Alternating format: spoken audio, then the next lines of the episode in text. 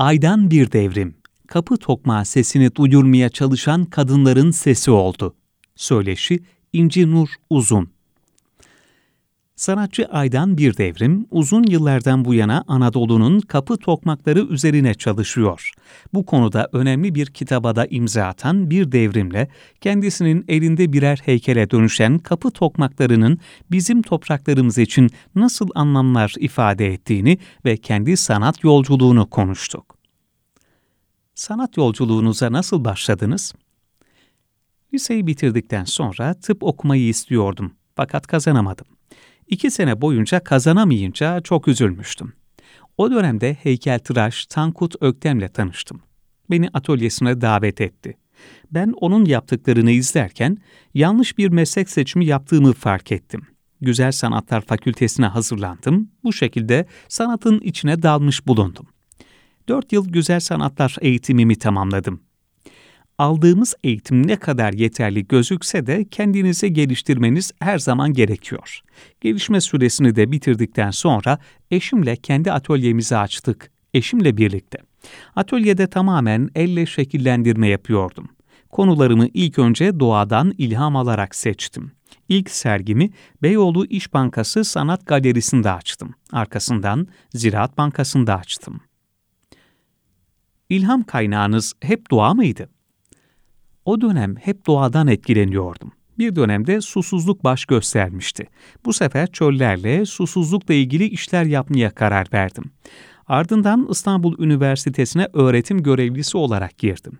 Bu dönemde de yüksek lisansımı yapmaya karar verdim yüksek lisansta hangi konuyla ilgili çalışma yapacağımı düşünürken çocukluğumda yaşadığım ev aklıma geldi. Böylece kapı tokmakları ve kapılarla ilgili bir araştırmaya girdim. Bunlarla ilgili uzun süre çalıştım, araştırdım. Araştırmamın sonucunda bu konuyu seramiğe dönüştürmeyi düşündüm. Fakat bunların hiçbiri kapıların üzerine asılan ya da ses duyurmaya yarayan objeler değildi. Bunlar gittikçe heykele ve seramik panolara dönüştü. Sonra bir şey fark ettim. Kapı tokmakları ses duyurmaya çalışırken o dönemde çok kadın şiddete maruz kalıyordu. Seslerini duyurmaya çalışıyorlardı. Ben de kapı tokmaklarını kadınlarla bağdaştırmaya başladım ve yaptığım heykellerde bir dönem sonra benim kapı tokmaklarım kadına dönüştü. Yani kapıya gelen kişi nasıl içeridekine sesini duyurmaya çalışıyorsa, kadın da içindekini dışarıdakine sesini duyurmaya çalışan bir kişi olarak düşündüm. Böyle devam etti. Bir süre sonra kitap fikri doğdu. Bu bildiklerimi ve gezdiğim yörelerdeki her yörenin farklı olan kapı tokmaklarını kitabıma yazdım. Öğrencilerime bu işi nasıl yaptığımı aktarabilmek için kitapta yapım aşamasına da değindim. Böylece beni çok mutlu eden kitabımı çıkarmayı başarmış oldum. Ardından birçok konuda yapmış olduğum eserlerle 11 tane kişisel sergi açtım. Yüzü geçkin karma sergiye katıldım ve yurt içi yurt dışı birçok sempozyuma katıldım. Şu an hala atölyemde sanat hayatıma devam ediyorum. Sergilerimde yaptığım eserleri sergiliyorum güncel bir sanatı geçmişle harmanlama fikrini neden tercih ettiniz? Kapı tokmaklarına form olarak baktığınızda her zaman fonksiyonelliğin dışında çok estetik görünüyor. Yanına gittiğinizde farklı farklı formlar var kapı tokmaklarında. İlk önce ilgimi çeken bu olmuştu. Bunları araştırmaya başladığımız zaman da şunu fark ettim.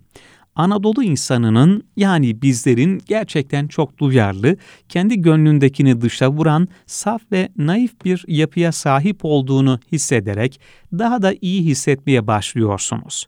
Unutulan değerlerin kaybolduğunu görünce de üzülüyorsunuz bir taraftan. Bu böyle olunca fikir olarak çok güzel bir konu. Buna değinip ortaya çıkarmayı düşündüm. Benim oğlum da kapı tokmaklarını bilmiyor. Çünkü zaman içerisinde elektriğin ve teknolojinin gelişmesiyle zillere dönüştü. Kapı tokmakları artık gündemini yitirmiş oldu. Bu unutulan değerleri bir şekilde ortaya çıkartmak, bunları gençlere anlatabilmek ve bir şekilde unutulmamasını sağlamak için ben bu konuya adımımı attım. Bu araştırmayı yaparken de daha önce de bahsettiğim gibi bizim insanlarımızın çok duyarlı ve duygularını ifade eden kişiler olarak gördüm. Bunları yaparken de estetik kaygıları olmamakla birlikte bütün kapı tokmakları çok estetik gözüküyorlardı. Bir örnek verecek olursam en basiti kapı tokmaklarında hepimizin bildiği eller vardır. Bu ellere baktığımızda yüzükler ve bilezikler olduğunu görürüz. Her ikisi de farklı yerlerde, farklı desenlerdedir. Bunun amacı kapıya gelen kişinin içerideki kişi hakkında bilgi sahibi olabiliyor. Evli mi, bekar mı olduğunu anlayabiliyor. Ona göre görücü dediğimiz kızı beğenip istemeye gelen kişilerin evdeki yaşayan genç kızı kapıyı çalıyor.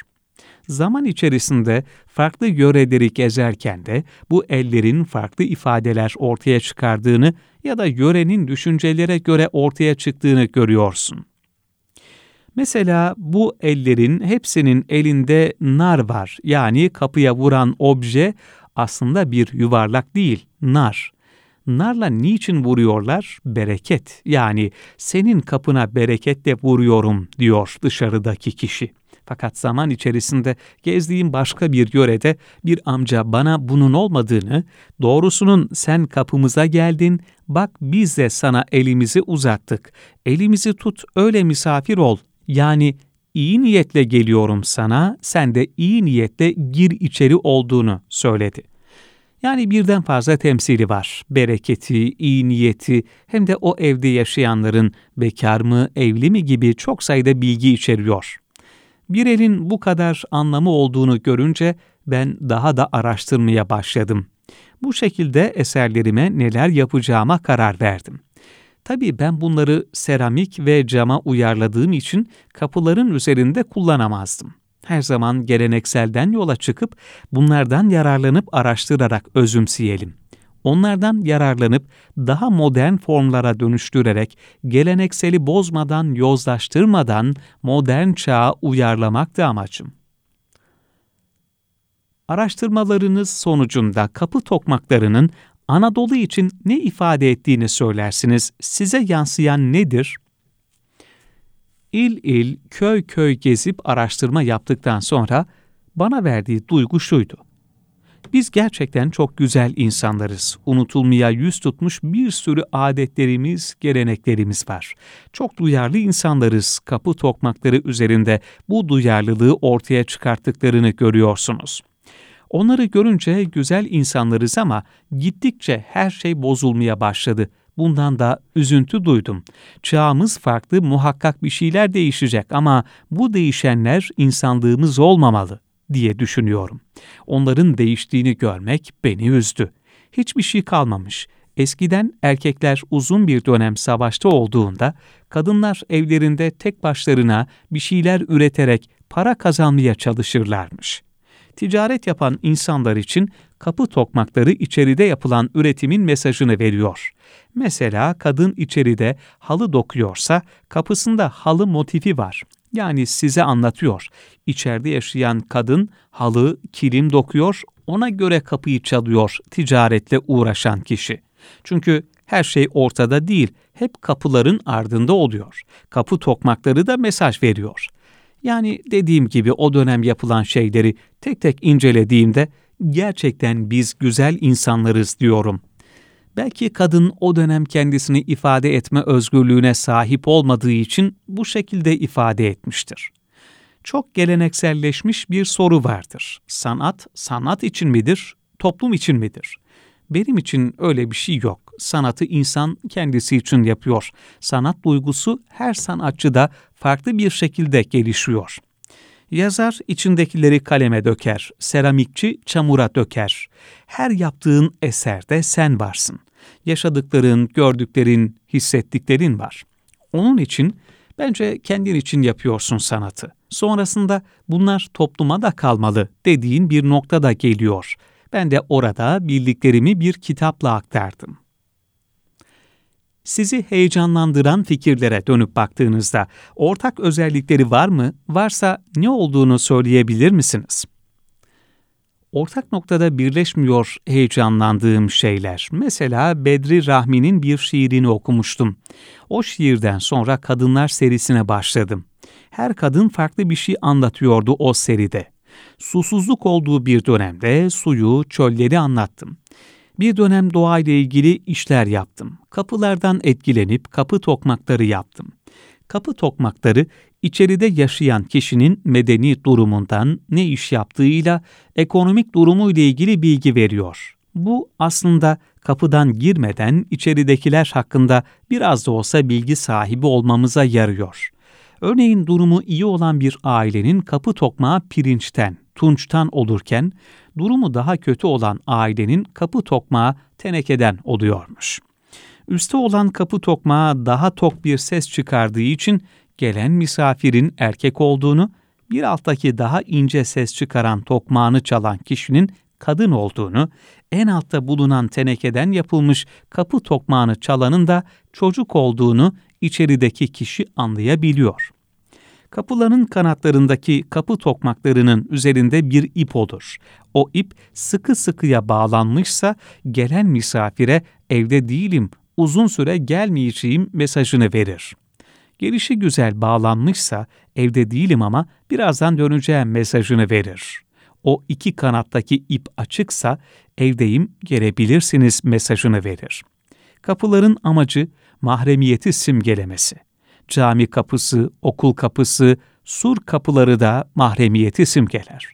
Kapı tokmakları da esas ses duyurmaya yarayan ama üstündeki simgelerle, formlarla içerideki insanları kötülükten korumak, nazardan korumak, dışarıdan gelen tehlikelere karşı korumak için birer tılsım oluyorlar.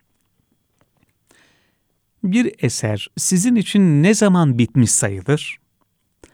Ben çamur ve camla uğraştığım için birçok aşaması var. İlk şekillendirme aşamasında hiçbir zaman bitti sayamıyorsunuz. Her aşamada hep daha iyisini yapabilirim düşüncesi oluyor. Ama son fırından çıktığında ya işte bu oldu diyorsunuz ya da olmadı, tekrar yapabilirim düşüncesi doğuyor içinize. Yani şöyle söyleyebilirim, tamamen içime sinene kadar bitmiş sayılmıyor.